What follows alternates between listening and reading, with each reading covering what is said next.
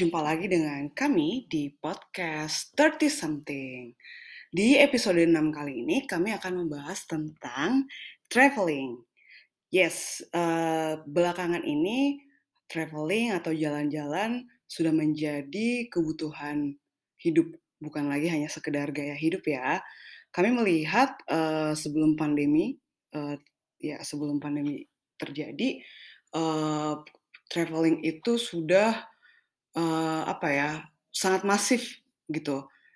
Jalan-jalan uh, itu sudah menjadi sesuatu yang penting bagi banyak orang gitu. Tidak masalah sih, tidak ada yang salah dengan itu. Uh, yang menjadi pertanyaan adalah uh, apakah traveling atau jalan-jalan itu uh, beneran memberikan benefit gitu bagi kita yang melakukan perjalanan, bagi orang yang kita temui di jalan, atau uh, ke tempat tujuan kita. Atau malah jangan-jangan uh, kita mengganggu, kita uh, mengubah tatanan gitu. Berat banget ya bahasanya. Uh, yang ada gitu. Atau bahkan kita membuat tempat yang tadinya uh, sebenarnya nggak apa-apa nggak dikunjungin gitu kan. Tapi dengan uh, banyaknya orang yang datang justru mengganggu uh, ekosistem yang ada di tempat itu sebelum kita datang. Nah, uh, di episode 6 kali ini, I Travel Therefore I Am. Uh, kami membuat judul ini karena uh, saya yakin banyak di antara kita yang uh, menganggap bahwa perjalanan yang kita lakukan itu bisa menjadi uh, apa ya salah satu kontributor uh, bagi kita untuk uh, menentukan jati diri, identitas, atau nilai diri gitu. Jadi misalnya kalau uh, sudah mengunjungi 59 negara uh, atau sudah ke tempat-tempat yang ekstrim, yang yang remote banget gitu, yang belum pernah didatangi oleh manusia sebelumnya gitu. Nah, kita menganggap itu uh, menjadi bagian dari identitas diri gitu. Tapi sebenarnya pertanyaannya adalah apa benar uh, dengan traveling itu uh, kita kita memproyeksikan diri kita melalui traveling itu uh, sebagai bentuk uh, nilai yang baru atau sebenarnya bersifat uh, sementara aja gitu. Bahwa ternyata uh, perjalanan yang kita lakukan nilai-nilai yang kita dapatkan di dalam perjalanan atau perspektif baru yang kita temukan tidak mengubah apa pun gitu loh uh, tentang diri kita yang sebenarnya seperti itu. Dan juga dengan banyaknya postingan atau unggahan kita di media sosial uh, yang menunjukkan uh, jadi ada kepuasan tersendiri gitu ya. Uh, apa namanya? kepuasan tersendiri ketika kita bisa mempublikasikannya atau banyak orang yang menyukai atau uh, ya seperti itu kita menganggap itu adalah diri kita gitu. Nah, uh, apa iya benar seperti itu? Nah, kurang lebih itu yang akan kami bahas di episode kali ini. Dan kami berdua uh, bukan orang yang uh, apa ya uh, mengkritik orang-orang yang suka memposting atau orang-orang yang mengaitkan tempat-tempat uh, yang dikunjungi menjadi bagian dari identitas dirinya gitu enggak gitu.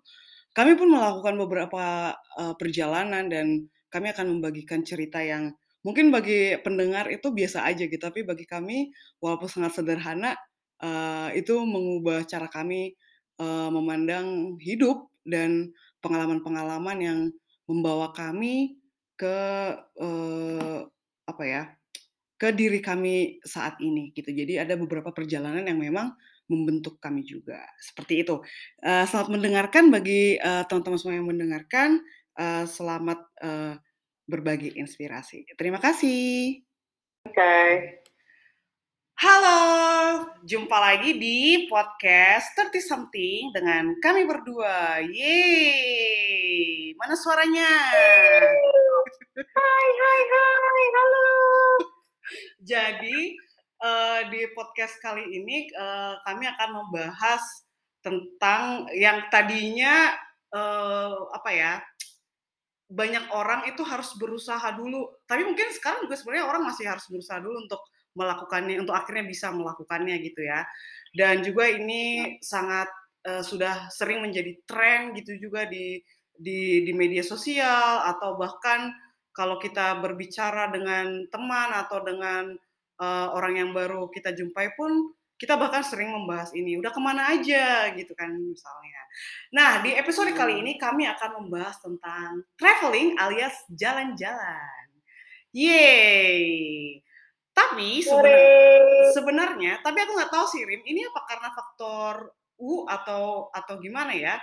Tapi memang kayaknya kita hmm. itu uh, bukan apa ya, bukan traveling holic kali ya. Maksudnya bukan orang yang heboh atau bahkan walaupun kita ada di tempat uh, yang dekat dengan tempat wisata gitu kan gimana menurutmu? Hmm. Coba coba kamu masih ingat kita di zaman mahasiswa nggak?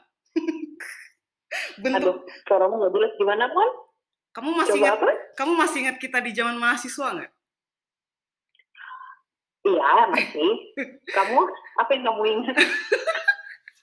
nah jadi uh, beberapa hari lalu atau beberapa minggu lalu juga sih. Aku kan membuka uh, lagi tuh lembaran-lembaran cerita gitu kan tentang uh, perjalanan kita waktu KKN di Raja Ampat sih.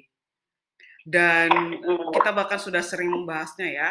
Jadi walaupun pada saat itu sebenarnya bisa dibilang itu uh, Raja Ampat itu sedang mau naik ya, belum karena karena belum banyak orang yang bisa ke sana kan Uh, dan itu, ya. dan bisa kerajaan empat itu kayak bagi orang lain itu udah prestasi udah wow lu keren itu kayak salah satu standar keren nggak keren gitu kan kayak tiba-tiba harga diri oh. jadi naik gitu kan pamor pamor naik gitu pada saat itu uh, tapi selama berKKN hampir dua bulan kita di sana uh, kita kita berdua uh, tidak tidak meluangkan waktu untuk berjalan-jalan gitu loh Rim.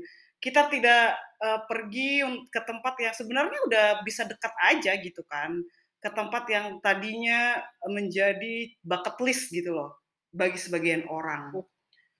Uh, menurutmu kenapa Rim? Apa karena memang kita males aja? Atau padahal mungkin ya kalau aku bandingkan dengan mungkin sebagian orang gitu ya Rim yang aku bisa yakin gitu kalau pergi ke tempat-tempat kayak gitu pasti disempetin gitu loh jalan-jalannya.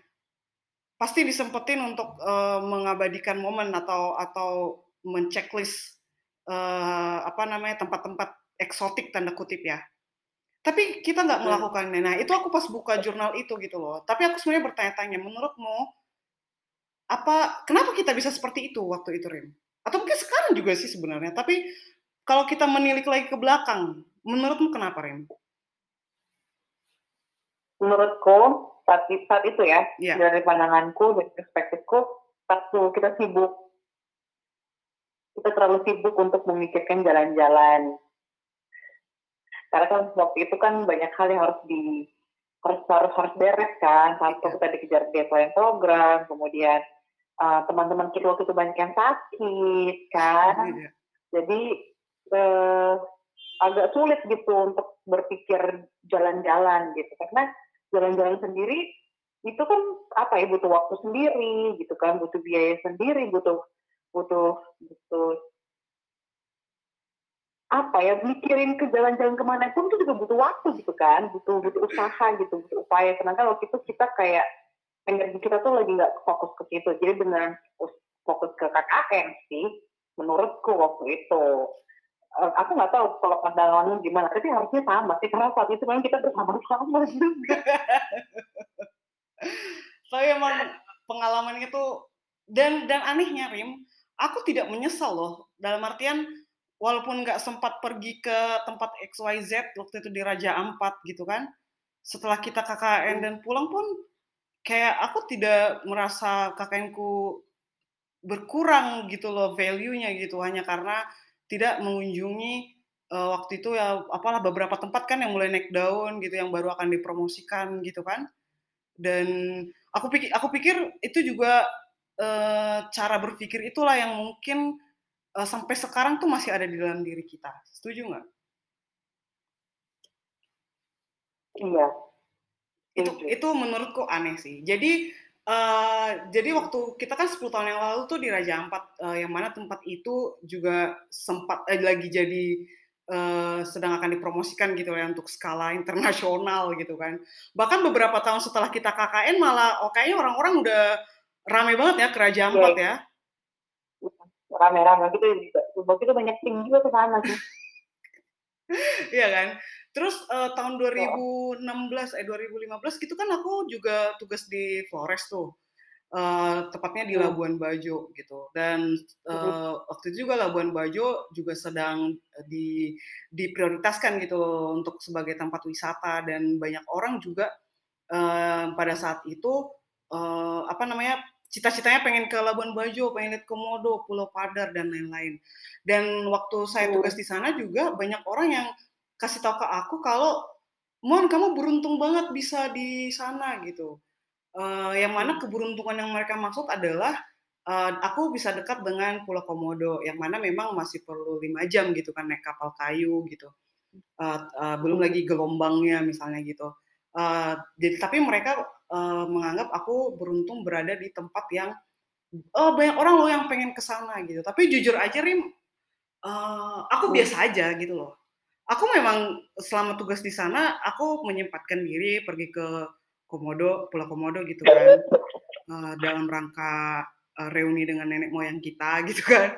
Tapi bukan dalam rangka uh, apa ya Rim? Kalau kalau bisa kita lihat kan sekarang itu uh, kayak orang-orang yang traveling kan untuk keperluan uh, postingan ya uh, di media yeah. sosial gitu untuk checklist uh, impian mereka dan kupikir ya aku tidak menyesal sih, tapi nilai yang kita anut 10 tahun yang lalu anehnya masih ku anut sampai sekarang dan aku yakin kamu juga masih menganutnya, masih ya. Jadi Pasti dong. Tapi sebenarnya aku aja aku tuh ya paling sebel uh-huh. kalau misalnya lagi ke tempat uh, wisata gitu ya, uh-huh. aku paling sebel sama orang-orang yang minta fotoin Aku benci banget, sumpah. Karena itu kayak mengganggu kita kan kalau kalau kita kan datang ke satu tempat baru dan apalagi tempat itu indah kan inginnya tuh aku nggak tahu ya aku tuh kayak eh, langsung inginnya tuh kayak ingin menyerap apa ya energi alam di situ ingin diem aja gitu. Tapi aku tuh kayak sebel sama orang-orang yang nggak tahu minta difoto itu kayak ampun lah udah cuma foto-foto sendiri kan. Masih dimintain foto lagi. Itu aku terganggu sih. Makanya aku juga agak sedikit ya seperti kamu pernah bilang dan singgung juga sebenarnya pada saat kita juga jalan-jalan penting juga gitu kita memutuskan dengan siapa kita pergi gitu kan karena jangan sampai uh, orang-orang ini punya orang-orang yang pergi sama kita ini punya value atau punya ideologi yang berbeda juga gitu soal jalan-jalan gitu. ah jangan disinggung ah, nanti kalau dia beneran dengerin nanti ada yang tersinggung. Uh, kita berdua mas. Tapi menurut Murim uh, tren hmm. wisata ini tuh kan kayak beberapa tahun belakangan lah. Aku pikir mungkin sejak 2017 kah atau 2016 ada sale komodo waktu itu. Eh sale komodo 2013. Pokoknya gitulah kan. Jadi mulai digerakkanlah uh, wisata ini gitu loh. Jadi ayo jalan-jalan. Nah anehnya uh, makanya aku pikir kenapa traveling itu sekarang itu sebenarnya bukan lagi hanya jadi gaya hidup tapi juga sudah jadi kebutuhan.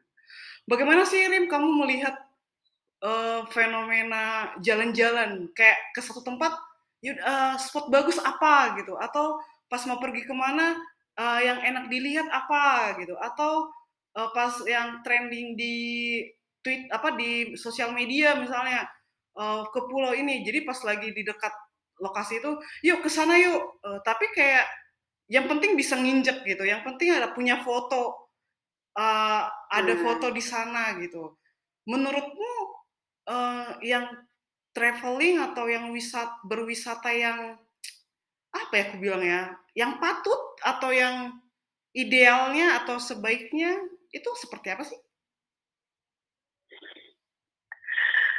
Uh, sebagai mantan turis guide. oh itu keren banget sih pengalaman itu. Yes.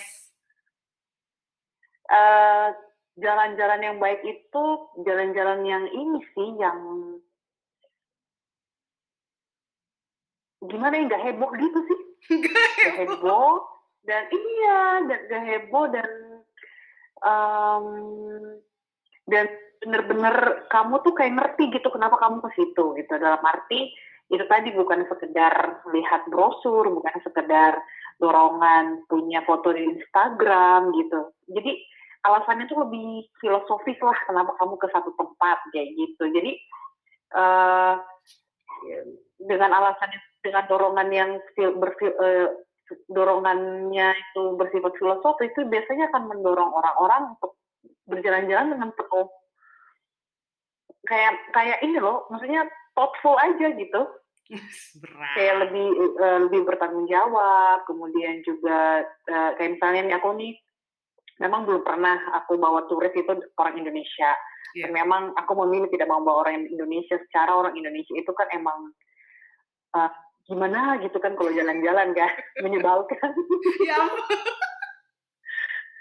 Iya kan, jadi kita kan sudah paham dengan karakter bangsa kita sendiri. Jadi misalnya nih aku pernah uh, temenin, uh, tapi bukan berarti juga sama bule juga mereka nggak menyebalkan, menyebalkan juga. Cuma mereka itu minimal tidak buang sampah sembarangan. Itu mereka udah yang dasar-dasar gitu tuh mereka tuh ngerti gitu. Yeah. buang sampah sembarangan, terus yang um, apa namanya um,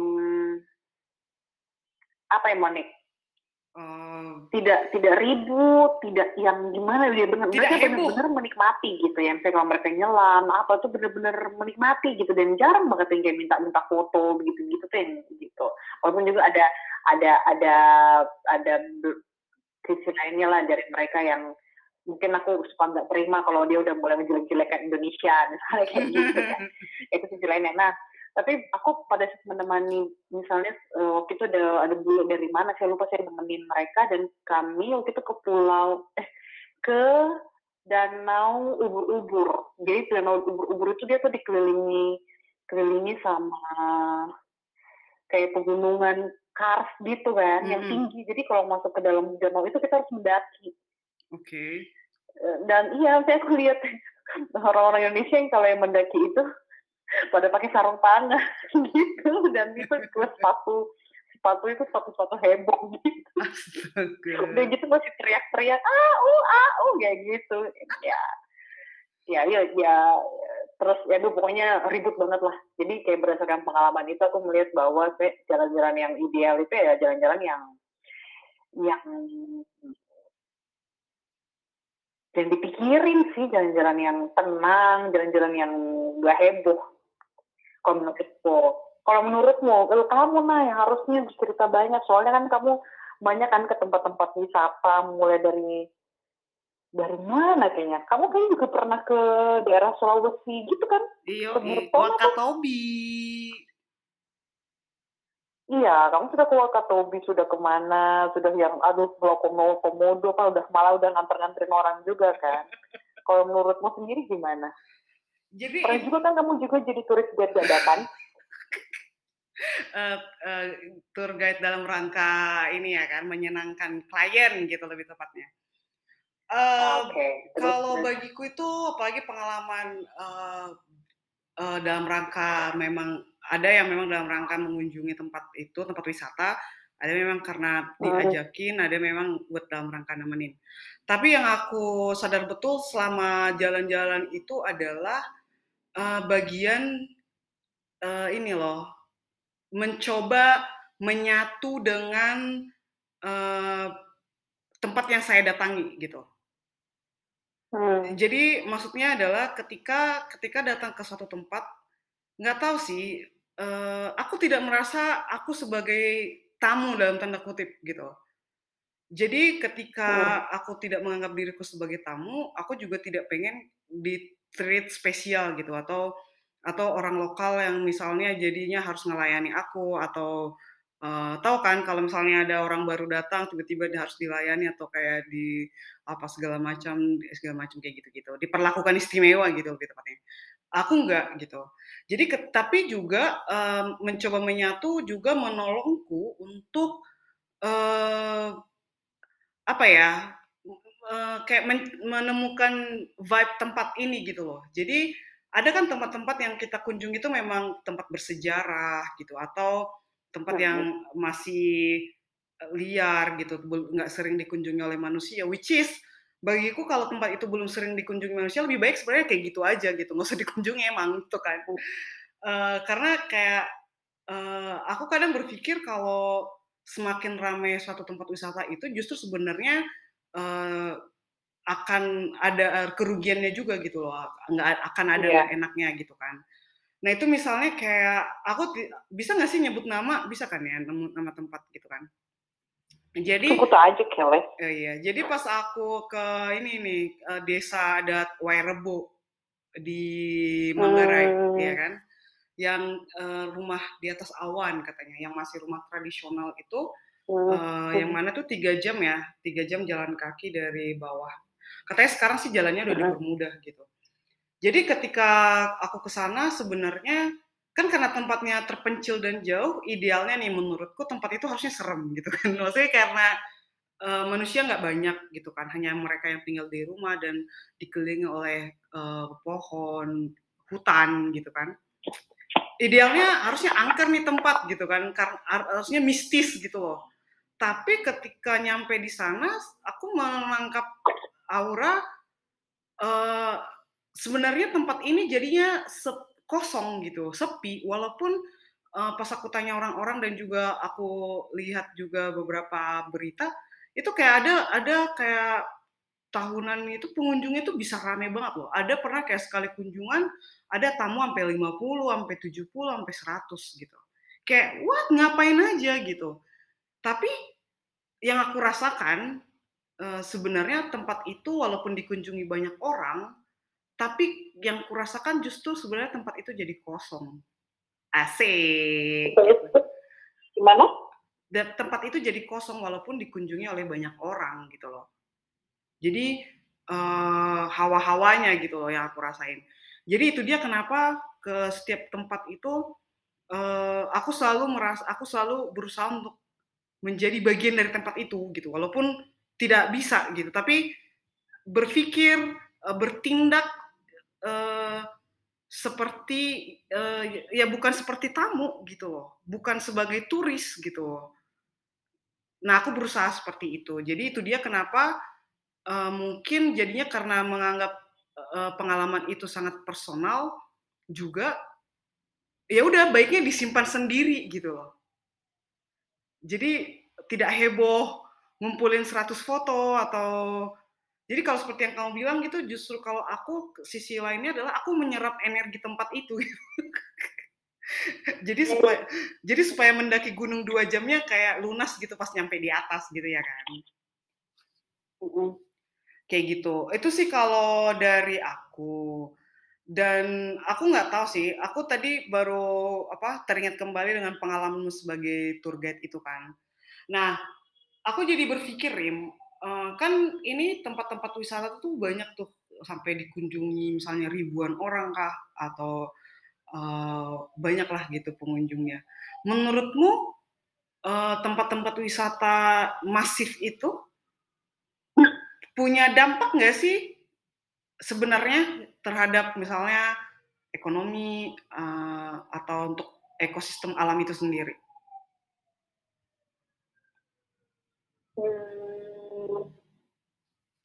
punya nggak punya. Oke, menarik tuh gimana? Iya, yang misalnya dengan dampak dan itu kamu sendiri kan. Iya. Punya kalau dibilang punya dampak ekonomi mungkin punya, tapi punya sama kelompok tertentu. Misalnya kan kita lihat ya, resort-resort yang bagus itu kan yang punya bukan masyarakat misalnya, punyanya orang luar. Iya. Ya kan, bahkan ke kita pernah dengar cerita juga, tapi kita belum pernah buktikan juga ya, tapi kita pernah dengar cerita bahkan ada satu resort yang uh, bahkan di situ tidak pakai rupiah gitu, yeah. bayarnya itu dolar. Nah, jadi uh, makanya itu dampak nggak berdampak sih. Kalau berdampak, ya harusnya memang ke masyarakat. Tapi kan lagi-lagi kayak resort-resort yang dibangun masyarakat itu juga tidak terlalu populer begitu. Satu memang mereka juga kekurangan fasilitas gitu kan, kemudian skill juga dalam berwisata juga kan. Artinya kan wisata kan industri kan. Iya. Itu kan ada banyak elemen juga yang ada di situ mulai dari transportasi, kemudian makan. Macam-macam lah kalau di Raja Ampat kemarin itu kan BBM-nya juga gitu kan untuk sana kemarin itu kirain pakai air apa itu kan juga butuh minyak gitu dan itu mahal gitu kalau sudah di sana. Yeah. jadi um, ya tidak terlalu berdampak sebenarnya ke tidak ber, berdampak itu dalam arti yang negatif atau yang positif sih ini? Uh, bos dampak itu yang selalu negatif ya? Bisa dua-duanya lah. juga? mana yang lebih menonjol lah Iya, kalau dari pengalamanku sih yang lebih menonjol, ini bisa jadi aku salah sekarang ya, tapi pada saat itu tidak terlalu berdampak baik gitu. Hmm. Ke ekonomi masyarakat, ke mungkin iya, dan entahlah, misalnya kayak sekarang nih Nemo juga gitu kan, zaman kita misalnya aku membayangkan saya sih zaman saya kayak kemisol itu kita kemarin yang kemisol itu mon. Dan kamu bayangkan aja gitu yang kayak uh, apa namanya jalanan-jalanan terjal-terjal itu kemudian di semen itu kan menghilangkan uh, apa? uh, apa ya? Kesakralan tempat itu ya. Oh, yes. Iya kan? Mengurangi nilai mengurangi apa tapi kan ya, selalu dibilang bahwa pariwisata kemudian akan mendorong namanya pembangunan apa. Tapi kayak di sisi yang lain juga itu juga berdampak ke, tempat itu sendiri kemudian ke masyarakatnya juga gitu. Berdampak tidak terlalu baik ya. Kayak gitu. Kalau pandangan tuh kayak gitu. Mungkin agak pesimis ya. Yes. tapi kalau kamu sendiri gimana menurutmu? Kalau kamu lihat kan kamu juga sudah berjalan-jalan juga bahkan ke tempat-tempat wisata yang benar-benar aktif sudah ter manage gitu dengan baik gitu jadi uh, iya aku belum itu. Kamu pernah juga bicara soal transportasi ini Uh, kalau dari aku sih kayak ngelihat uh, pariwisata kan itu sebenarnya yang jadi alasan uh, banyak tempat-tempat wisata yang bersifat alami itu kemudian dibangun, dibuat uh, anyaman-anyaman tempat duduk atau bentuk love atau uh, dibikin tangga gitu kan supaya lebih mudah dijangkau supaya lebih banyak orang yang datang gitu loh. Di satu sisi uh, mungkin memudahkan supaya karena kan banyak orang yang nggak mau susah-susah jadinya kayak pengen cari tempat yang mudah didatangi dan punya sama ini nih kecenderungan uh, tempatnya itu dibikin jadi uh, apa IG-able gitu kan, Instagramable, terus selfieable, jadi bisa berselfie selfie ria gitu loh di tempat itu. Uh, kalau aku lihat sih dampaknya uh, untuk ekonomi masyarakat gitu, aku melihat sih yang kayak di Bali, di Labuan Bajo, walaupun aku tidak bisa lihat secara signifikan kalau memang itu member, menguntungkan masyarakat secara umum, eh, menguntungkan secara ekonomi gitu Uh, tapi kayak di Bali kan udah banyak tuh yang orang lokal yang uh, jadi manajer gitu. Tapi aku nggak tahu kalau soal kepemilikan. Kalau di Labuan Bajo sih waktu aku di sana aku melihat banyak yang uh, apa yang diving itu yang apa namanya guide-nya itu banyak udah orang lokal juga walaupun kayak yang punya dive centernya bukan orang lokal gitu dan hmm. dan karena alasan yang sama inilah mungkin pariwisata tetap di digenjot gitu kan dengan alasan menguntungkan masyarakat secara ekonomi. Walaupun sebenarnya kita bertanya-tanya gitu, masyarakat yang mana sih sebenarnya yang benar-benar diuntungkan gitu kan? Uh, Dan terkait ke ekosistem alam juga aku pikir Uh, menurut aku nggak tahu deh, menurutku tidak ada pariwisata atau indu, apalagi udah jadi industri wisata yang tanda kutip menjaga lingkungan, pasti merugikan lingkungan sih, gitu. Hmm, Misalnya untuk pembangunan hotel di tepi pantai, terus uh, apa kan juga tempat-tempat diving yang ramai untuk dikunjungi, sering dikunjungi juga kan sebenarnya makhluk yang di dalam itu menurutku terganggu sih, maksudnya uh, maksudnya kalau apalagi kalau udah rame banget kan. Aku juga pernah dengar tuh yang pokoknya ada beberapa tempat uh, diving karena selalu terlalu sering dikunjungi hmm. tadinya ada apa makhluk laut apa atau ikan apa gitu. Tapi kayak setelah sekian lama uh, makhluk itu nggak ada lagi di situ entah bermigrasi kan. Hmm. jadi menurutku juga nggak semua hewan di laut itu senang dikunjungi gitu loh. Atau senang disentuh-sentuh oleh divers divers itu uh, uh, jadi aku lebih cenderung pesimis untuk bagian lingkungan. Uh, kalau untuk bagian ekonomi, uh, aku masih kayak melihat mungkin uh, masih ada masyarakat lokal yang memang diuntungkan, tapi oknum-oknum uh, di belakang layar mungkin jauh lebih diuntungkan gitu. Kalau itu kalau dari aku itu sih. Oh boy, ya kan? Oke, nah ya, kembali. Ya, jadi sama-sama kita ini kan pesimis. pesimis. iya. Tapi di waktu yang sama kita juga tahu banget program pemerintah uh, yang ingin membuat banyak tempat wisata ini, kayak Danau Toba nih. Aku tuh sering dengar di radio hmm. kan, kayak Danau Toba mau dibikin tempat wisata bukan cuma prioritas, Rim, super prioritas gitu loh Uh, terus banyak hmm. tempat-tempat alami itu kayak udah di udah diatur lagi, dibangun ininya, di aksesnya lebih uh, dipermudah, dibikin jembatan, dibikin penginapan ala-ala cottage-cottage gitu uh, untuk menarik wisatawan gitu kan. Dan Labuan Bajo juga sebelum aku tinggalin waktu itu lagi dibangun, lagi mau dibikin jalan ala-ala Bali gitu loh yang ada pohon-pohon uh, kelapa apalah gitu walaupun nggak ada pohon kelapa sebenarnya waktu itu di jalan itu tapi dibuat gitu untuk sebagai uh, apa tempat wisata atau Bali keberapa gitu oh iya ya Danau Toba mau dibikin kayak uh, Monaco-nya Asia tuh bayangkan tuh terus banyak tempat wow. banyak tempat yang di Indonesia yang wisata-wisata itu ya mau dibikin jadi ada yang wisata untuk supermasif ada yang untuk uh, kalangan platinum. Oh ya Raja uh, Papua mungkin Raja Ampat itu mungkin untuk kalangan platinum aja tuh, bukan rakyat jelata kayak kita. Terus uh, Taman Nasional Komodo, Taman Nasional Komodo katanya mau dibikin uh, tempat wisata platinum, kayak gitu-gitu. Uh, memang sangat industri sekali kan, emang profit sekali kan juga. Hmm, hmm.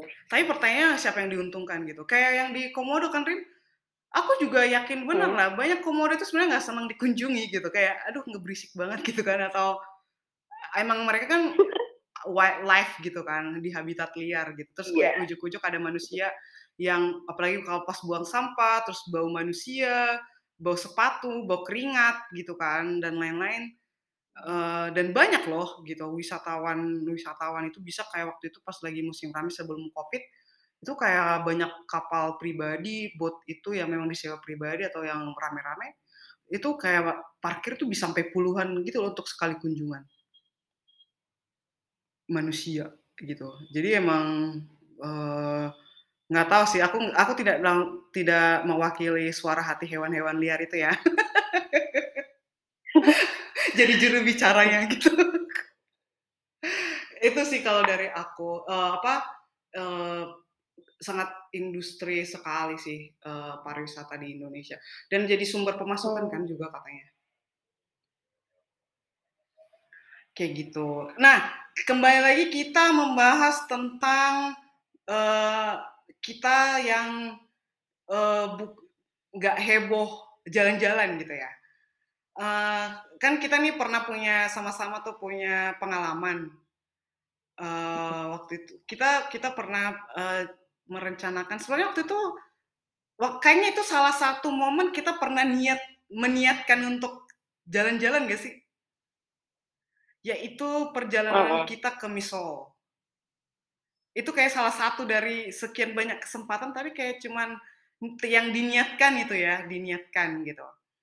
Uh, bagiku itu salah satu perjalanan yang uh, berkesan walaupun uh, walaupun tadi kayak kamu bilang uh, apa jalan-jalan juga tergantung dengan siapa kamu pergi gitu kan.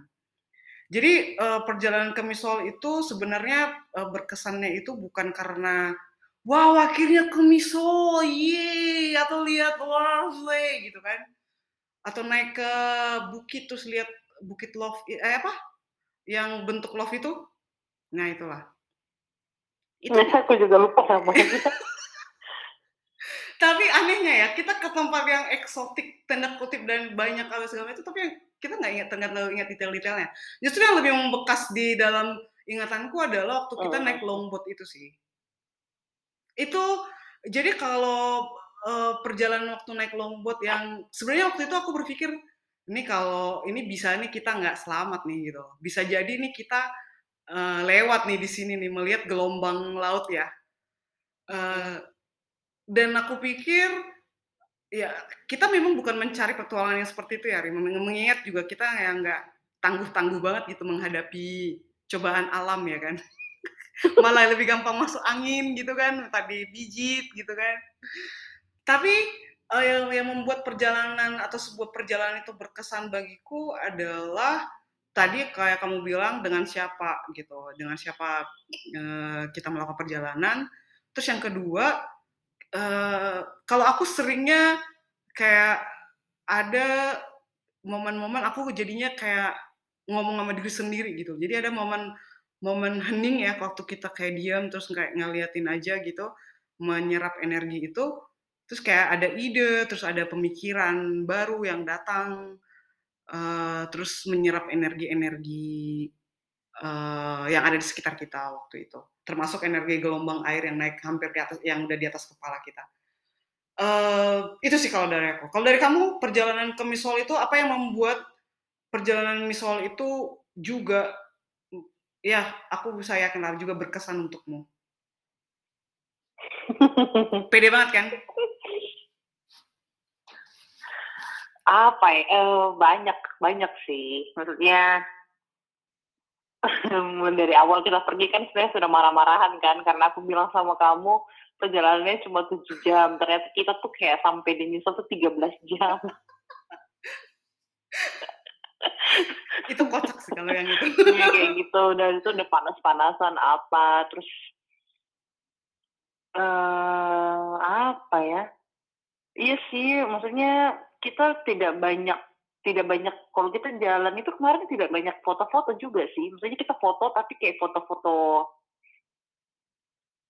foto-foto sendiri gitu foto untuk kalangan sendiri gitu foto untuk HP sendiri gitu kan. Foto-foto untuk disimpan. Cuma ada beberapa kali saja kita foto yang ada kitanya gitu. Dan itu kayak di Danau Love itu tapi pada saat berjalan juga kita diam. Dan itu kan ombak. Sebenarnya itu kan ombak juga kan besar sekali kan waktu itu. Iya ombak yang sangat besar tapi ya puji Tuhan puji semesta kita masih ada sampai sekarang. Terus lucunya juga waktu itu perjalanan itu dibiayai oleh kamu gitu kan. Aku gitu kan masih pengangguran gitu kan. Mesti banget ya itu dimensi. Ya kan jadi itu ya aku sih senang senang aja waktu itu jalan karena nggak ngeluarin duit. Astaga. oh kita juga itu kita dibantu sampah Hasan ya. Ya karena kita nginap di rumah keluarganya. Kita... Kenapa? Kita menginap di rumah keluarganya. Iya, kita nginap di rumah keluarga itu itu. Sama ini Rim, uh, uh, kalau kita melakukan perjalanan saat, saat kita melakukan perjalanan itu, yang paling aku suka juga adalah kita tidur nyenyak, iya nggak sih? Kita apa? Tidur dengan nyenyak. Yes, kayak baru tidur, udah ih, gak pagi aja gitu.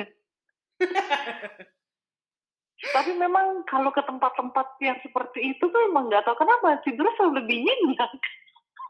Iya kan? Dan deep sleep sih. Kayak kenapa? Tidur deep sleep, tidur nyenyak senyenyak nyenyaknya. Yes, yes, Tidur berkualitas, tidur kayak bayi. uh, terus kalau mimpi tuh bener-bener jelas mimpinya berkualitas lah. Ya, uh, kalau jadi terus kalau tidurnya itu beneran jadi kayak itu jalan-jalan kita capek tapi karena tidurnya juga bagus jadi kayak nggak berasa juga kan. Yes. Jadi kayak bangun tidur tuh emang beneran tidur tuh beneran kita kayak dicas gitu isi baterai bangun tuh segar. Kan kalau misalnya di tipe-tipe eh, kayak, kayak orang kayak, kayak, kayak, kayak, kayak aku sekarang nih kayak kalau sudah kerja pengennya tidur tapi pas tidur pun bangun masih aja lelah iya kan berarti kan tidurnya nggak berkualitas tuh. Tapi kalau pas lagi di misol itu juga aku suka banget sih. Dan kita kan tidur kayak di kasur kapuk kapuk. selembar gitu. Iya kan? Di tapi tidur nyenyak gitu. Kita, mm -hmm. kita tidak di hotel bintang 5 loh. Iya iya betul betul betul. Dan juga uh, masakan makanan sederhana yang dimasak yeah. tuan rumah itu tiba-tiba rasanya kayak me memang mengalahkan makanan bintang 5 sih kalau aku ya. Mm -mm, makan kenyang ya. Yes. Kenyang dan Jadi kayak mm -mm, apa namanya kayak yang kenyang beneran kenyang gitu kan tidur beneran tidur terus kita juga kayak bener-bener apa merefresh pikiran juga kan Yes. Pagi kan kamu bilang pada saat ini masuk ke ini yang kita mau ke kayak pintu besar itu yang mau ke jalan mana gitu ya, aku masih lupa, nggak tahu nama tempatnya lupa. Yeah. Yang kamu juga bilang saat masuk ke situ tuh kayak Rim, aku tuh merasa tempat itu tuh kayak tua banget. Jadi aku segan gitu masuk ke situ. Ingat gak yang pas kapal kita masuk ke seolah-olah tuh gerbang gitu loh yes, ada yes, dua yes, yes. batu besar yes, yes, yes, gitu yes. yang itu pas tapi kita masih di kapal kan waktu itu? Eh di longboat kan waktu itu ya? Masih. Masih di lombok itu jadi jalan ke situ kan. Yes benar-benar itu itu ini banget sih. Itu aku kita ketemu lumba gak sih? Pas ada ada. tapi pas kita pas kita kan? udah di udah berhenti yang udah di di tempat kita makan itu Iya iya, aku Soalnya, ya soalnya kan pas, soalnya kan pas perjalanan kan kita gelombang badai, ombak berlalu. yeah. itu literally ombak gitu ya kan. Yes, itu berkesan banget sih. Dan aku pikir juga traveling mungkin bagi sebagian orang yang melakukannya juga ada motivasi untuk menemukan diri. Azek, ya kan? Uh, Azek. Men menemukan diri. Apalagi kan itu hmm. zona baru kita ya waktu itu misalnya longboat. Kemudian kayak kita tiba-tiba jadi menghargai hidup atau kayak near death experience gitu kan. itu yang aku pernah alamin di Lombok tuh Rim yang aku bilang yang kapalnya yang sampai uh, hampir tiga perempat lah gitu udah udah miring gitu loh tapi aku lihat si nahkodanya kok merokoknya santai banget gitu kan orang-orang di di dalam speed itu tuh udah teriak-teriak uh, udah sampai pegangan udah apa ada yang nyebut-nyebut gitu uh, ada juga kan pengalaman-pengalaman uh, perjalanan yang membuat orang-orang ya itu tadi uh, menemukan diri, mendapatkan inspirasi. Tapi aku jadi teringat tadi uh, sebelum kita ini yang kamu bahas tentang uh, teori tentang traveler traveling itu. Kupikir itu bagus deh untuk kamu share. Uh, apa namanya? Porn apa? Porn tourist. Porn, porn tour. Tourist. Porn, porn tour. Porn traveling. Jadi ya. Mm -hmm. Jadi apa tuh yang bisa kamu bagikan dari buku itu?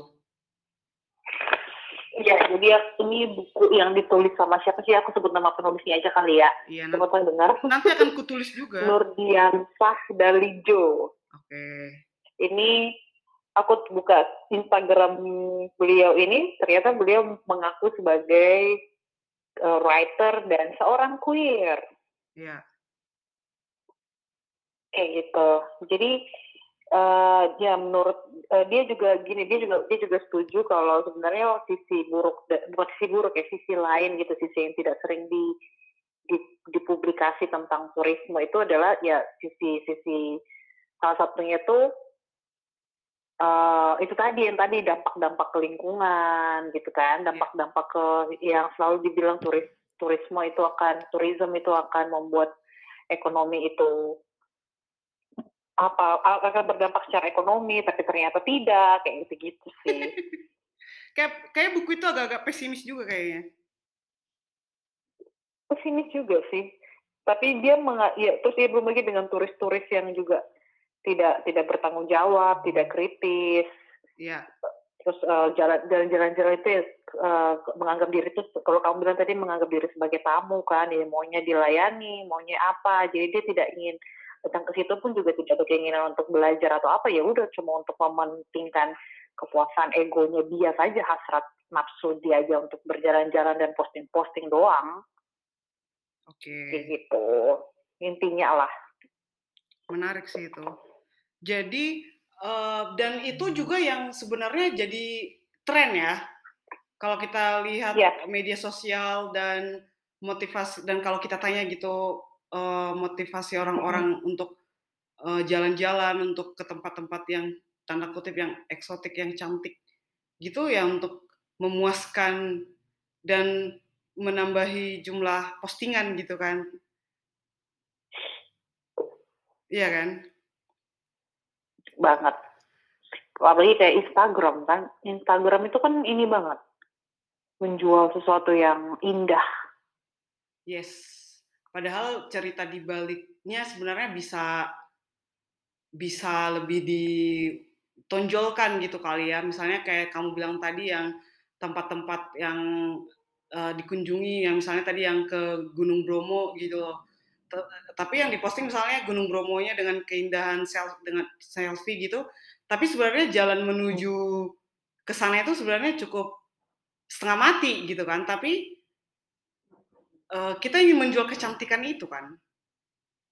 Iya, orang yang kayak jadi, jadi ambisius gitu aja ingin kayak menaklukkan gitu kan, pengen ke situ, terus diabadikan dengan foto, itu kayak sudah kayak pencapaian gitu dalam yes. hidup. Yes, yes, yes, yes. Nah dari situ juga aku jadi berhipotesis juga bahwa uh, hmm. memang hmm. Uh, motivasi orang untuk melakukan traveling juga ya untuk ya tidak usah dulu ngomongin filosofis, tidak usah dulu ngomongin ideologi uh, ataupun apa tadi yang kayaknya pembahasan kita pun kayaknya agak-agak bukan bukan bukan pariwisata pada umumnya gitu kan, bukan berwisata pada umumnya gitu loh. Bukan massive uh, tourism gitu loh, tapi bagaimana supaya bisa menaklukkan, bagaimana uh, supaya banyak foto yang bisa diposting, supaya apa me, menambah pride juga ya apalagi tempat yang mereka kunjungi misalnya perlu mahal mahal terus uh, menghabiskan persiapannya juga luar biasa apalagi untuk dalam rangka menaklukkan ya kan kayaknya aku nggak pernah terfikirkan untuk menaklukkan satu oh ya aku punya pengalaman yang itu rim yang kerinjani kupikir aku tidak menaklukkan Rinjani Kamu malah ini ya. Gak bisa jalan seminggu. Tidak, tidak, tidak, tidak berambisi dan tidak. Seriusan memang. Itu itu aku bukan menaklukkan tapi aku menyakiti diriku sendiri dalam rangka dalam rangka uh, jadi kok kayak anak kecil yang nggak tahu apa-apa terus ujuk-ujuk ke Rinjani yang ternyata cukup mematikan juga sampai nggak bisa jalan seminggu. Hmm. Iya sih, apalagi kalau ke tempat-tempat kayak kita ke Misol terus beberapa tempat uh, di tempat-tempat wisata yang membutuhkan itu kan sebenarnya mahal juga sih sebenarnya ya Rim waktu itu yang mahal, mahal. Hmm, wisata itu ya apalagi kalau misalnya yang resort-resort walaupun punya keinginan untuk pengen tidur di resort itu ya menaruh kepala di bantalnya mereka tapi kayak bukan bukan kita pangsa pasarnya gitu loh ya. Kita kita terlalu uh, berdompet uh, tipis gitu loh. Yes, yes. Dan tempat-tempat wisata yang itu ya, yang seperti yang kita bahas juga, ya sebenarnya tidak mensejahterakan orang lokal gitu loh. Orang penduduk setempat gitu kan. Jadi pertanyaannya sebenarnya siapa yang diuntungkan? Ya lagi-lagi pesimis oh, ya. terus kayak tempat-tempat ini nih kayak acara-acara TV kemudian yang mempromosikan satu tempat-tempat destinasi wisata. Oh iya betul. Kamu tahu kan ini air terjun di Jayapura, air terjun di Siklop? Tapi aku belum pernah ke sana. Kayaknya pernah dengar. Oh, yang di Gunung uh, Siklop itu, Rim? Uh, kenapa? Yang di gunung itu? Ah, uh, uh, yang di Gunung Siklop kelihatan kan? Yes. Ah, jadi tuh pernah lah ada satu stasiun televisi gitu datang ke situ acara acara ini kayak trip-trip begitulah. Iya. Yeah. Adventure adventure gitu katanya tapi ini kata temanku juga ya yang memang dia juga orang orang Jayapura gitu jadi dia cerita katanya dulu uh, orang itu datang gitu eh, dari dari acara TV itu stasiun TV itu meliput tempat itu. Nah setelah orang itu setelah liputan itu keluar atau setelah itu terjadi gitu ya setelah itu sudah diliput katanya air terjun itu tuh sempat nggak kelihatan gitu beberapa lama Kayak serius, terjunnya... aku sampai tanya serius, iya tuh kayak nggak muncul beberapa lama gitu, Rim, cukup lama gitu sampai akhirnya kemudian dia bisa kelihatan lagi. Jadi kayaknya tuh kayak penunggunya itu kayak tidak suka begitu. Azik. Iya ya. Menarik sih itu. Iya, makanya seperti yang aku bilang tadi, kayak komodo tuh bisa jadi sebenarnya mereka terganggu juga dengan kehadiran manusia-manusia itu gitu kayak iya, kan? monyet-monyet oh ya aku juga suka lucu sih liatin jadi Rim kalau kalau ke daerah kalau di daerah Toba ini kalau misalnya ke arah Parapat gitu kan Rim itu kamu akan hmm. menemukan banyak monyet-monyet di pinggir jalan gitu uh, berbagai keluarga monyet gitu kan di situ akan nunggu terus hmm. terus aku pernah menemukan uh, kayak supir-supir itu lemparin sampah ke mereka lemparin makanan uh, ke mereka ke monyet-monyet itu. Padahal kan sebenarnya kita yang menginvasi habitat mereka kan. Dan hmm. da, dan kita merusaknya lagi dengan cara memberi mereka makanan manusia gitu loh. Dan hmm. dan apa sebenarnya sudah katanya sih sudah ada tulisan dilarang memberi makan sih, tapi aku melihat tuh kalau apalagi kalau aku lagi jalan naik mobil itu uh, adalah yang lemparin botol minum, adalah yang lemparin makanan sisa, adalah eh memang uh, sangat disayangkan. Itu dia kenapa memang aku uh, selalu berkeyakinan itu wisata industri par pariwisata itu, itu pasti sangat merugikan alam dan sekitarnya sih. Bagian yang bagian yang hmm. itu aku aku memang pesimis sih. Bagian yang itu. Dan aku pikir juga uh, apa ya, yang mungkin yang yang bisa kita ajak kepada orang-orang yang yang ingin bertraveling sih apa ya kita bukannya sok menggurui kali ya bukan menggurui cuman kayak kasih saran sama aja ya. Apa nih Rim? Yang bisa kita uh, berikan uh, ajakan lah ajakan kepada orang-orang yang suka berwisata atau yang akan berwisata dalam waktu dekat atau punya cita-cita kan berwisata ke banyak tempat-tempat itu? Dari, dari kamu dulu. Gak usah sok heboh sih. Oke. Okay. Iya, nggak usah heboh, nggak usah heboh, nikmatin aja, nggak usah heboh. Udah. Ini berdasarkan pengalaman sebagai tour guide ya? Iya, santai aja. Yes. Uh, kalau dari aku, ajakanku adalah uh, be mindful gitu. Uh, dengan kata lain, kayak ya mungkin akan susah bagi sebagian orang ya, tapi coba rasakan, coba diam gitu kan. Kalau udah sampai ke tempat itu, coba diam, tenang, rasakan udaranya. Ini kok aku kayak ngajak mau bermeditasi ya. Uh, iya, kayaknya. uh, serap energi-energi yang ada di di tempat itu hmm. dan respect sih uh, hargai hormati orang-orang yang yang udah tinggal di situ jauh lebih lama dari kamu. Uh, ya kalau kita udah respect kita nggak akan buang sampah kita nggak akan uh, mengejek tempat atau orang yang kita temui di situ. Dan apa namanya apa memvalue ya memvalue tempat yang kita datangi. Jadi instead of menjelek-jelekkan tempat itu karena kamu nggak suka misalnya atau karena kamu punya pengalaman buruk misalnya uh, just keep it to yourself ya nggak perlu kayak hmm. jadi apa namanya bahan uh, untuk apa namanya menjelekkan satu tempat sih kalau dari aku dan be, be, be hmm. mindful sih be mindful gitu dan dan ini juga uh, hmm, apa ya? Kan ada juga gitu rim kayak semakin banyak tempat yang sudah dia kunjungi semakin banyak yang tempat yang sudah dia kunjungi tuh kayaknya nilai dirinya semakin tinggi tuh. Ada kan, maksudnya semakin banyak, semakin wah keren banget, udah ke 59 kota atau negara gitu. Uh, itu boleh, silakan jadikan pencapaian, tapi uh, kupikir itu bisa nggak sih? Atau gimana tuh? Serah gitu ya, serah orang-orang gitu. Serah bapak lah. Kalau kamu? Karena karena biasanya orang-orang yang begitu tuh orang-orang yang, yang apa ya berpendidikan loh. Orang-orang yang apa? Berpendidikan. Oh ya?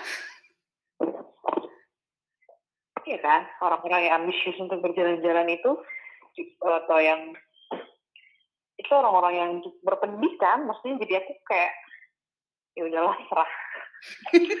kayak jatuhnya tuh sebenarnya malas ngasih tahu gitu karena kayak ya masa? Iya kan? Kayak gitu sih. Apalagi kalau ya kan? kalau iya kalau, bener. kayak, kenapa apalagi kalau lihat misalnya di bionya media sosialnya gitu kan sudah ke 59 negara gitu atau sudah ini kayaknya nah. emang yang lagi ngomong ini netizen nyinyir aja ini. Iya. Kita netizen nyinyir aja jadi kita sebel gitu sebel. Karena kita Makanya tidak melakukan kayak nggak pun ya udah serah. Yes yes yes yes. Gitu. Lumayan sering ya bertemu orang-orang yang uh, tidak tidak tidak berpendidikan di sekolah formal gitu kan. Yeah. tapi orang-orang itu juga eh, beda banget gitu loh. Sebenarnya sikapnya tuh kayak beda-beda benar-benar beda gitu kan terhadap alam melihat hidup gitu melihat segala sesuatu itu kayak bisa jadi sangat bertolak belakang gitu lah. Iya. Iya dan menurutku untuk orang-orang yang sudah bersekolah tinggi-tinggi gitu yang sudah mengunjungi berbagai negara dan tapi kemudian masih ambisius dan tadi mengikut istilahnya tadi itu yang masih menjadi porn turis ya. Nggak tahu deh sih gimana cara ngasih taunya. Aku sih nggak memilih buang-buang energi terlalu aja. Yes. Jadi itu dia kenapa uh, judul episode kita kali ini I travel therefore I am gitu. Karena kupikir uh, menjadikan traveling dan mengunjungi berbagai tempat, berbagai negara itu sudah dijadikan hmm. sebagai bagian dari identitas diri ya. Jadi semakin banyak tempat yang dikunjungi sudah merasa uh, ya itu dirinya mungkin sudah penuh atau sudah menjadi lebih penuh mungkin dari sebelumnya dan ada capaian-capaian yang sudah di checklist checklist gitu. Dan itu sudah jadi tren ya Rim, maksudnya udah jadi common gitu loh. Iya, tapi kemudian COVID datang. dan si komodo senang manusia nggak datang lagi, yeay, recovery, recovery gitu kan. Iya. gitu. Betul betul betul. Oke deh. Ya. Uh, episode kali ini uh, cukup menarik sebenarnya kalau kita lanjut itu masih panjang ya. Cuma nanti keluarlah bahasan-bahasan yang agak-agak gimana gitu ya kan. Uh, untuk teman-teman yeah. semuanya, sampai jumpa di episode berikutnya. Day. Bye bye, bye bye.